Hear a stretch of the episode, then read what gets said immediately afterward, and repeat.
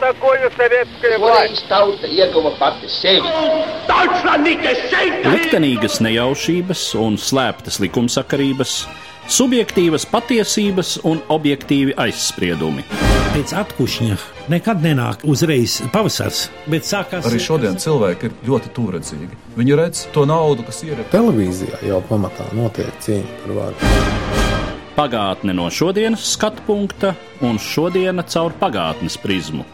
Raidījumā šīs dienas acīm.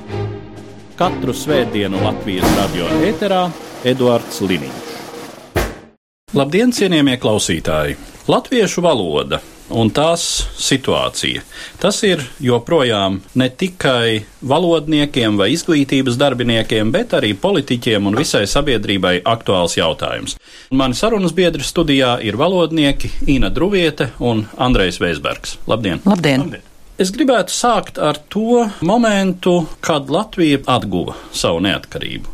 No vienas puses, ko mēs varbūt tobrīd īsti neapzinājāmies, bet ko mēs diezgan labi apzināmies šobrīd, toreiz valsts ieguldīja diezgan lielus līdzekļus tai oficiāli uzturētajā valodas izpētes, leksikogrāfijas, vispār tādas akadēmiskās filoloģijas sfērā. Arī, var teikt, mācību grāmatu izveidē tika ziedoti pietiekami lieli līdzekļi. Kā mēs šodien apzināmies, tas viss prasa lielus līdzekļus, un brīžiem ir nācies konstatēt, ka pa daļai iespējas nav tik lielas, pa daļai varbūt arī reizēm interese nav bijusi par to. Tātad no vienas puses valodas attīstīšana no augšas bija diezgan labi nodrošināta. Tajā pašā laikā mēs tobrīd runājam par latviešu valodas nepārprotamu apdraudētību. Tās vienīgajā pastāvēšanas areālā, proti Latvijas republikas tobrīd vai Latvijas valsts teritorijā. Varbūt mums būtu jēga vispirms atgādināt klausītājiem, kas bija tie apstākļi, kāpēc latviešu valodas situācija bija tobrīd apdraudēta. Nu, man liekas, kā jūs jau teicāt, tā oficiālā valoda bija diezgan labi kopta, cenzēta, un varbūt nezinātājiem varēja radīt priekšstatu, ka latviešu valodā viss ir kā vajag. Avīzēs, cik nu mums to avīžu to laiku bija, un žurnālos valoda bija rediģēta, kārtībā, cik es saprotu, radio tika viss sliktais izgriezts ārā un arī atstāta perfekta valoda. Jā, pie tam piebildīsim, toreiz tehniski tas bija krietni grūtāk nekā tagad, jo nācās graizīt magnetofonu lentes. Nekādas elektronikas vēl nebija.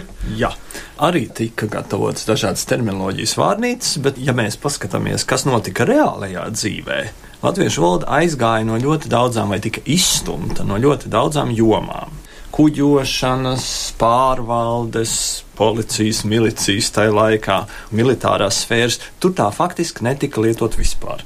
Un pat ja dažās no šīm sfērām tika sagatavota kaut kāda terminoloģija, tā iegūla plauktos, un faktiski to neviens nelietoja. Bet varbūt arī tas nebija visstrakākais. Man liekas, ka latviešu valodai pamat problēma ir šī lingvistiskā situācija, nevis tas, kas notiek pašā valodā latviešu valoda kā tāda, man liekas, visumā ir izdzīvojusi pie visām varām, vienā vai otrā formā. Un arī tagad, kad cilvēki šausminās, ka latviešu valoda ir pilnīgi sabojāta, deģenerēta un tā tālāk, es teiktu, nē, latviešu valoda ir visumā labā stāvoklī, tā seko līdzi dzīvei. Bet mums joprojām ir šī pati problēma - valodas lietojums, lietotāju skaits, un, protams, ko jūs minējāt, arī finansējums valodas izpētēji kas nav kardināli svarīgs valodas izdzīvošanai, bet tomēr diezgan svarīgs aspekts. Mums ir jāšķir divi aspekti. Viens ir valodas kvalitāte, tātad cik valoda ir attīstīta, cik kopta, vai mums ir nodrošināti vajadzīgie termini, vai laikā, protams, atrast jaunu vārdus, un otrs, protams, ir valodas reālais lietojums. Un šajā padomju laikā nevelti pastāvēja šī padomju valodas politikas duālā prakse, ļaut valodām aiziet kapā ar visiem zābakiem. Tas nozīmē, ka lingvistiski valodas tiešām bija kvalitatīvas, pastāvēja, kā jau jūs teicāt, gan valodas valodas izpēte, gan redaktoru un korektoru institūts valodas kultūrai tika pievērsta ļoti liela nozīme. Bija radīti arī šie termini, bet tika ierobežotas valodas lietojuma jomas. Pirmkārt, jo valsts pārvaldē, policijā, tolaik milicijā, armijā tik svarīgās sfērās dominēja Krievu valoda, un latviešu valoda bija ļoti stabila sadzīvē, kultūrā un arī izglītībā, un jāteic, ka tieši tas, ka valoda pastāvēja augstākajā izglītībā, arī nodrošināja šo samērā vieglo pāreju uz jauno politisko situāciju, kad latviešu valoda ieguva vienīgās valsts valodas statusu. Un kopš tā laika izdarīts tiešām ir daudz, gan valodas materiālu izdošanā, gan valodas izpētē. Diemžēl sabiedrība nevienmēr zina par visiem labajiem darbiem, bet problēma mums tik tiešām ir viena. Tā ir latviešu valodas situācija, kur mēs atrodamies starp divām ļoti spēcīgām kontaktu valodām. Mēs konkurējam, un diemžēl Krievu valodas runātāju kolektīvs joprojām ir pašpietiekams, joprojām šī vajadzība pēc latviešu valodas nav nodrošināta, un Latvijā pašreiz problēma nav valoda valodas prasme. Tikai 8% Latvijas minoritāšu pārstāvju uzskata, ka valoda neprot vai prot slikti, bet problēma ir valodas lietojums un attieksme pret to. Un tieši tādēļ valodas politikā šie spēka pielikšanas punkti mainās. Mēs varam teikt, ka esam nodrošinājuši minoritāšu latviešu valodas apguvi, bet mums tagad ir jārūpējas piemēram par to, lai nepastāvētu nemotivētas prasības pēc krievu valodas prasmes darba tirgu, lai mūsu bērni, kuri neprot krievu valodu, nejustos diskriminēti un lai galu galā mūsu vēlētajās institūcijās nenonāktu cilvēki, kur valodu neprot. Un šie uzdevumi valodas politikā visu laiku mainās. Vienu izpildām nāk vietā nākamais. Un tāpēc ir šie pētījumi, kurā mēs sekojam līdzi, kas notiek. Es gribu mazliet pievērsties tieši valodas akadēmiskās kopšanas jomai, proti, ko jūs varat teikt par latviešu valodniecības tradīciju, kāda tā izskatās tādā plašākā kontekstā, tā pieeja, kas, manuprāt, tomēr joprojām ir diezgan lielā mērā orientēta uz tādu striktu normu, jeb tā ir palikusi pagātnē.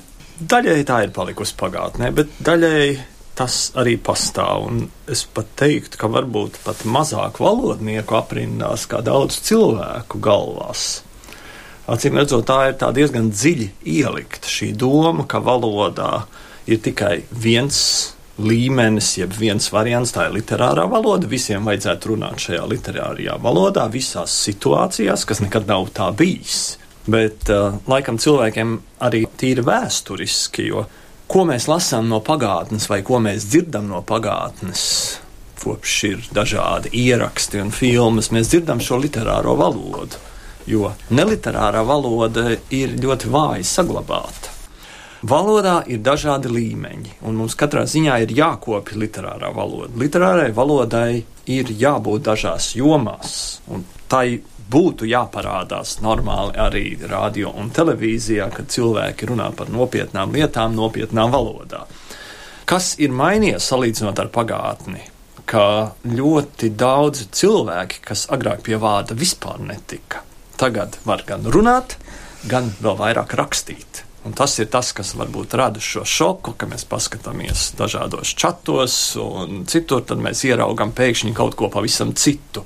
Arī mūsdienās pastāv ļoti laba literārā valoda, ir žurnāli, kuros ir kvalitatīva valoda, ir rakstnieki, kas raksta ļoti kvalitatīvā valodā, ir teātris izrādes, kas ir ļoti kvalitatīvs. Tā kā es tiešām par to ļoti nebaidītos. Ja mēs gribētu pierādīt, ka ir kritusies valodas kvalitāte, tad mums ir jāatrod šis konkrētais cilvēks, teiksim, Māra Zālīte jāpaklausās, kā viņi runāja pirms 20 gadiem un kā viņi runā tagad. Un, ja viņas valodas kvalitāte tik tiešām ir kritusi, tad mēs varētu sākt domāt, jā, latviešu inteliģences valodas kvalitāte ir 20 gados pilnīgi sabojājusies. Pilnīgi pievienojos, valodā ir viss, un ir vajadzīgs gan pagrabstāvs, ir vajadzīgs debesis, un uh, mūsu izglītības sistēmas uzdevums arī būtu iemācīt orientēties visā šajā valodas bagātībā.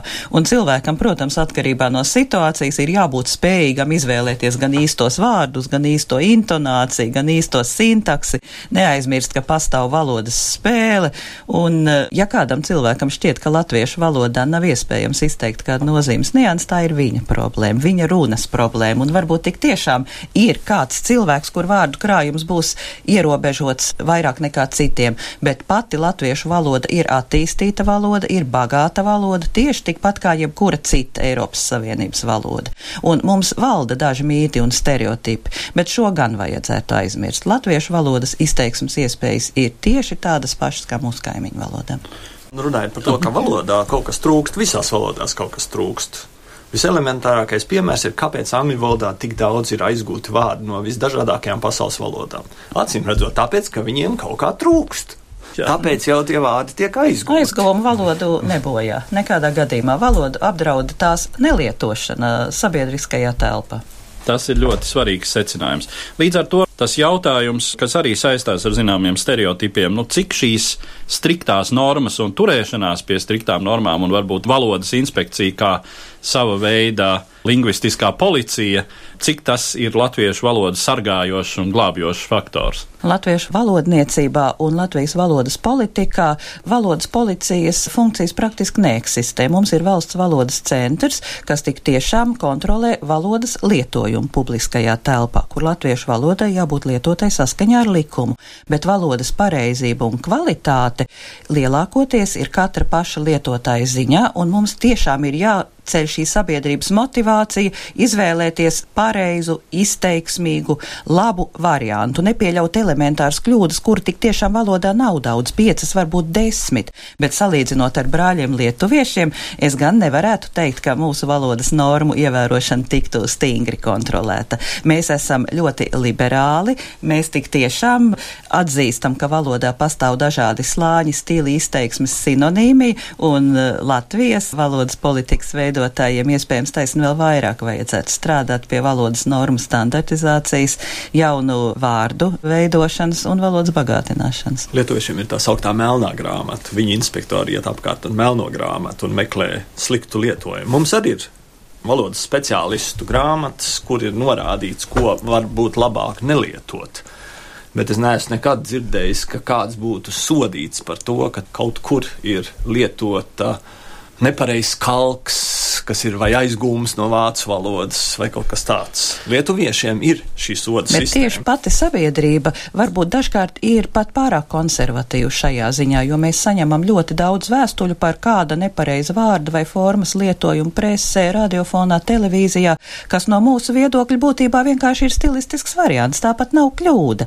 Tā ka varbūt tiešām mums vairāk jāpopularizē tā ideja, ka valoda ir ļoti bagāta un ka nevienmēr tas, kas atšķiras atšķiras no pierastā, ir kļūda. Bet uzreiz arī jāsaka, ka arī starp valodniekiem pastāv atšķirīgi viedokļi. Mēs ar Veisbergu kungu uzsveram vairāk tieši to valodas daudzveidības, sinonīmijas, bagātības izmantošanu, bet ir arī tāda skola, kas latviešu valodniecībā ir diezgan spēcīga no 20. un 30. gadiem, kas tiešām ievēro iespējams varbūt nepamatotus, bet tradicionālus valodas pareizības principus.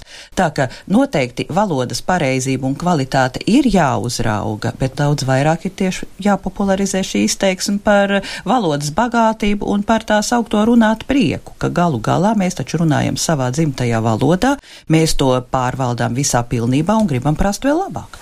Bet nu, par tādām valodai kritiskākām un smagākām lietām. Mēs sastopamies joprojām ar to, ka latviešu valoda ir apdraudēta no Laikam jau jāsaka, šobrīd visnotaļ no divām lielām valodām, no krievu valodas kā šeit klātesošas vēsturisku un ģeopolitisku apstākļu dēļ, un no angļu valodas kā globālas megavalodas vai supervalodas, kas laikam gan uzmācas faktiski visām valodām, ķīniešu valodu ieskaitot. Par apdraudējumu no angļu valodas es laikam teikt, ka tas nepastāv. Vismaz latviešu valodai kā sistēmai, kā valodai, apdraudējums no angļu valodas nepastāv. Dažās Mēs jomās. daudz ko aizgūstam no angļu valodas, bet arī tie lielākoties, izņemot sarunu valodā, tie lielākoties nav anglismi, tie ir internacionālismi, kas ir izveidoti uz angļu valodas bāzes, bet faktiski sastāv no grieķu latīņu elementiem. Tie latviešu valodā kādu brīdi var likties jauni, nepierasti. Daži no tiem mazliet ir jāadaptē, lai tie labāk piemērotos latviešu valodas sistēmai, bet tas arī valodā notiek. Angļu valoda, protams, var mazliet pabīdīt ārā latviešu valodu no dažām jomām, un tāpēc tieši mums ir svarīgi saglabāt augstāko izglītību latviešu valodā, lai būtu kursi angliski atsevišķi, bet mēs nevaram pāriet kaut kādās jomās tikai uz angļu valodu, jo tad iestāsies tie paši procesi, kas notika Padomju Savienības laikā. Krievu valoda ir mazliet cits aspekts. Ar krievu valodu mums ir tiešais kontakts, te ir ļoti daudz krieviski runājuši cilvēki, un ir pietiekami daudz latviešu, kas labi pārvalda krievu valodu, un te nu parādās šis psiholoģiskais elements, kas man liekas ir viens no vissmagākajiem un visgrūtāk pārvarējumiem, kā trīs latvieši satiekoties ar krievu pāriet uz krievu valodu. Kā ar to tikt galā, es tiešām īsti nezinu. Tas atspoguļojas visās sfērās, Tas atspoguļojas arī politikā, valdības, ierēģņu līmenī, visur. Tie paši cilvēki, kas uztraucās par Kravcovu kungu, kurš sēž saimā un klusē. Tie paši cilvēki pēc piecām minūtēm skrien un krievu dažādiem mēdījiem, dod intervijas sliktā krievu valodā un ir ļoti apmierināti ar šo situāciju runājot tieši par to, kur tad ir šī lielākā problēma, jā, tik tiešām paradoxāli problēma ir tieši pašos latviešos šajā nemotivētā pārējā uz citām valodām. Es arī kategoriski esmu pārliecināta, ka valsts amatpersonām pildot valsts pienākums ir jālieto valsts valoda. Tādēļ ir plašsaziņas līdzekļi, citiem vārdiem mēdī vai mediātori, kas to pārtulko, pievieno subtitrus, pieliek aizkadra tulkojumu lieliskā valodā un ir gan ievērots valsts valodas likums, tā burts un un gars, un galu galā tomēr ir arī nodota šī informācija. Un tas nav sīkums. Un vēl ir svarīgi, ka šo valodu neformālajā saziņā jau mēs nevaram ietekmēt ar likumu. Likums neregulē valodas lietojumu ģimenē un sadzīvē. Šeit nevaram paļauties uz valsti, uz valodas inspekciju. Tas ir katra cilvēka ziņā. Un vai mēs visi apzināmies, ka mēs esam ne tikai privāti personas, bet pārstāvam arī latviešu valodas runātājus, nāciju, etnosu, tautu, valodas kolektīvu, lūk, tas ir jautājums, un tāpēc par to ir jārunā. Viss jautājums par kvalitāti. Mums bija tikšanās ar Zatlēku, kurš pārgāja tikai uz latviešu valodu sarunās ar vietējiem mēdījiem. Viņš teica, ka tas ir brīnišķīgi, ka viņš skatās un lasa šos viņa runu tulkojumus. Viņš saka, viņš tā nevarētu tik labi pateikt. Tā kvalitāte ir daudz labāka. Un nav jānoved līdz absurdam, ja mēs sniedzam intervijas, teiksim, Amerikas, Krievijas plašsaziņas līdzekļiem. Protams, mēs runājam arī svešvalodās, bet runa ir tieši par to, kas, piemēram, parādās Latvijas televīzijas septītajā kanālā, kur mēs redzam paradoxālu situāciju. Praktiski visi intervētie latvieši runā Krievu valodā, bet turpretim tajā pašā sabiedriskajā televīzijā, piemēram, panorāmā, intervētie Latvijas minoritāšu pārstāvji bez mazākās aizturas runā Krievu valodā un tiek pievienot īstenot šis tulkojums. Tad jautājums, kura tad ir valsts valoda? Un es eh, arī vairāk kārt esmu lūguši žurnālistiem skaidrojumu, kā tas var būt, ka gandrīz vai katrā sižetā par nebūtiskiem jautājumiem atrodas kāds cilvēks, kas varētu teikt ignorē valsts valodu. Mēs nerunājam par valodas kvalitāti. Mēs būtu ļoti priecīgi dzirdēt, ka mūsu iedzīvotāji runā latviešu valodā, varbūt ar kļūdām, varbūt neprecīzi, bet tā tomēr būs cieņa pret valsti, tā būs motivācija un tā būs lietu dabiskā kārtība. Vispirms jau mēs runājam par cilvēka individuālas attieksmes un individuālas stājas jautājumu.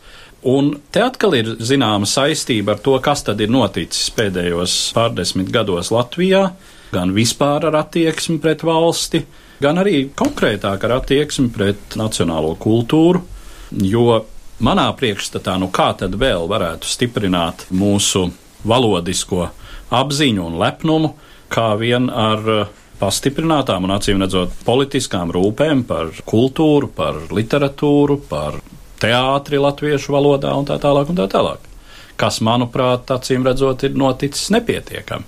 Es teiktu, ka tik tālu, cik tas skar valodu kā tādu, tiek darīts daudz, protams, būtu vairāk naudas darīt vēl vairāk, bet jūs pareizi pieminējāt tieši tās saistītās jomas, bez kurām latviešu valodas eksistence nav iedomājama. Un šeit, protams, mēs varam runāt par presi, par grāmatu izdošanu, par teātri, par visu to, kādēļ galu galā ne tikai valoda, bet arī nācija pastāv.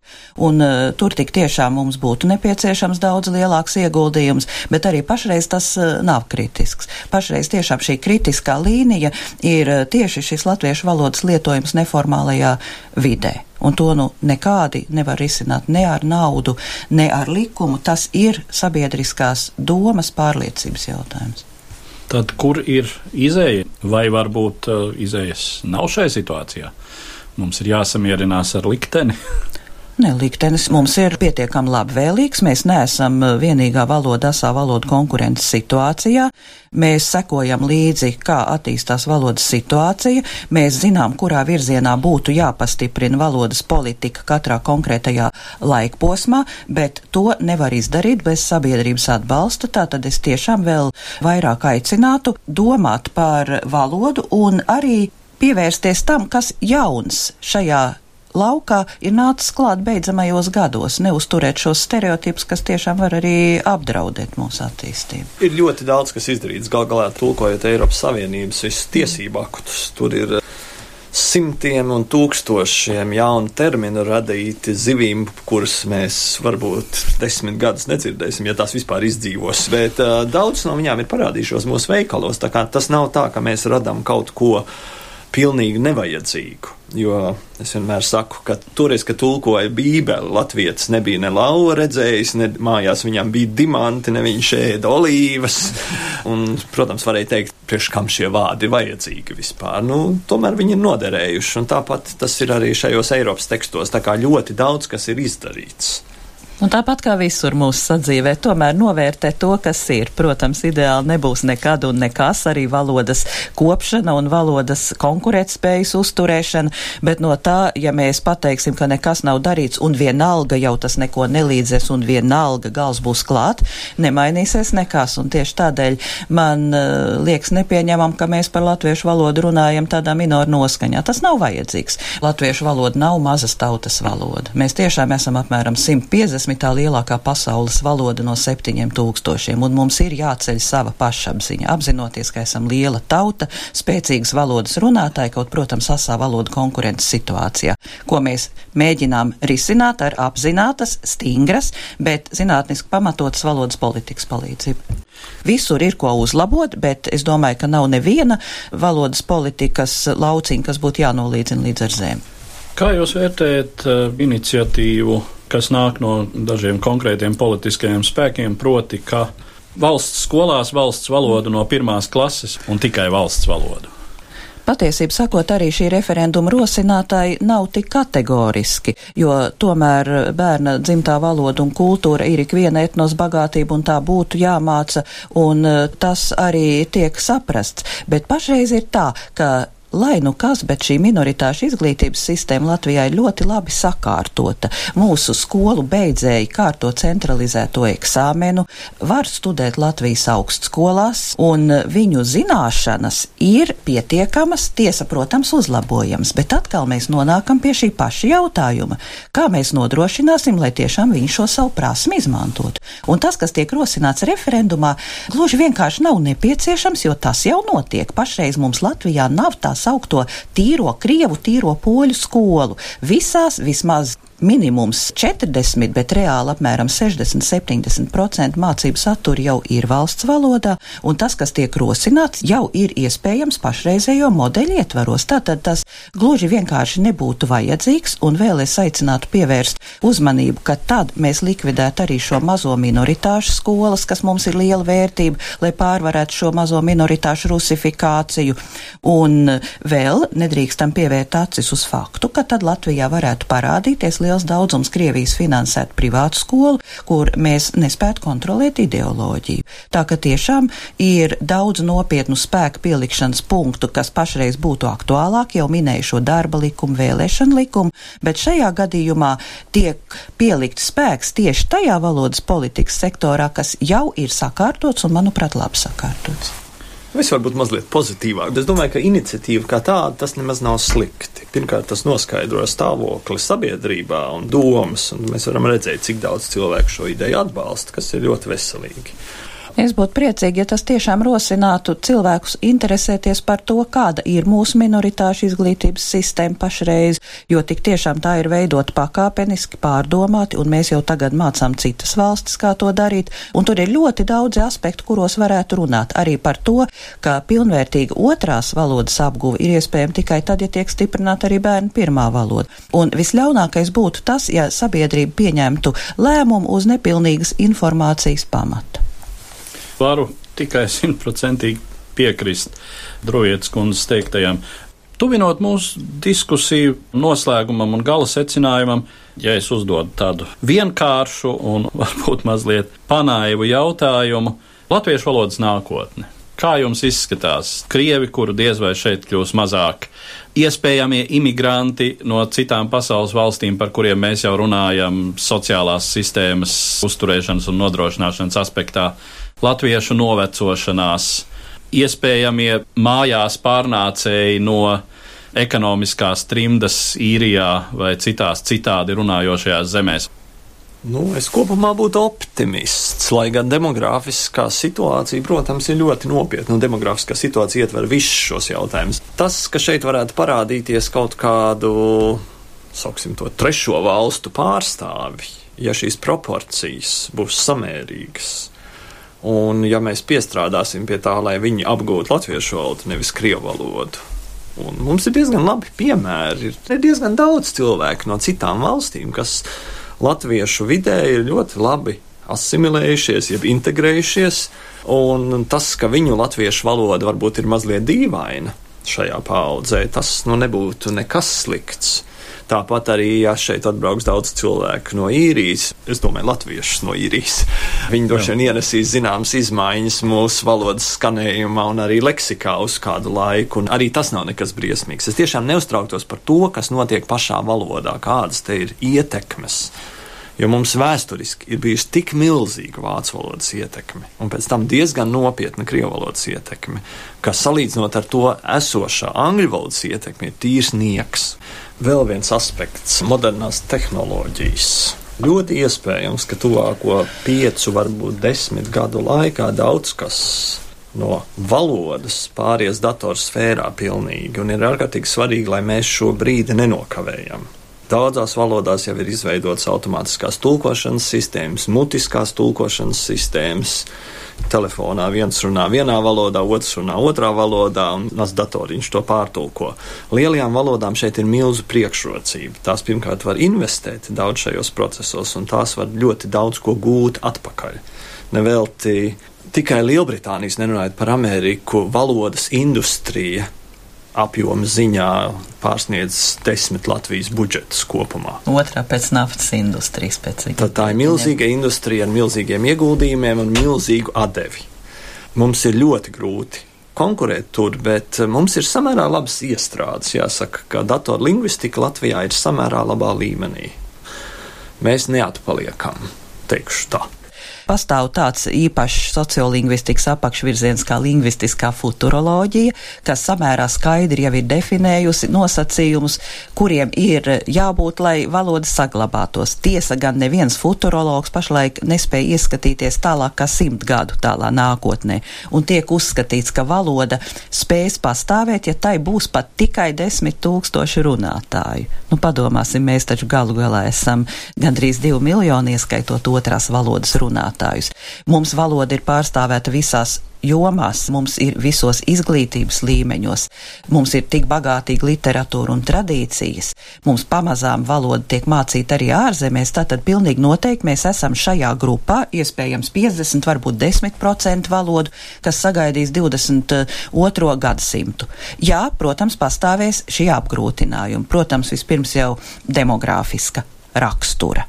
Bet runājot par uh, imigrāciju, tik tiešām Andrejs pieminēja gandrīz vai pašu svarīgāko šiem imigrantiem Latvijas sabiedrībā jāintegrējas uz latviešu valodas pamata. Un tādēļ mums valodas pastāvēšanai daudz problemātiskāka būtu imigrācija, piemēram, no Ukrainas, Baltkrievijas un Moldovas, nekā, piemēram, no Ziemeļāfrikas valstīm.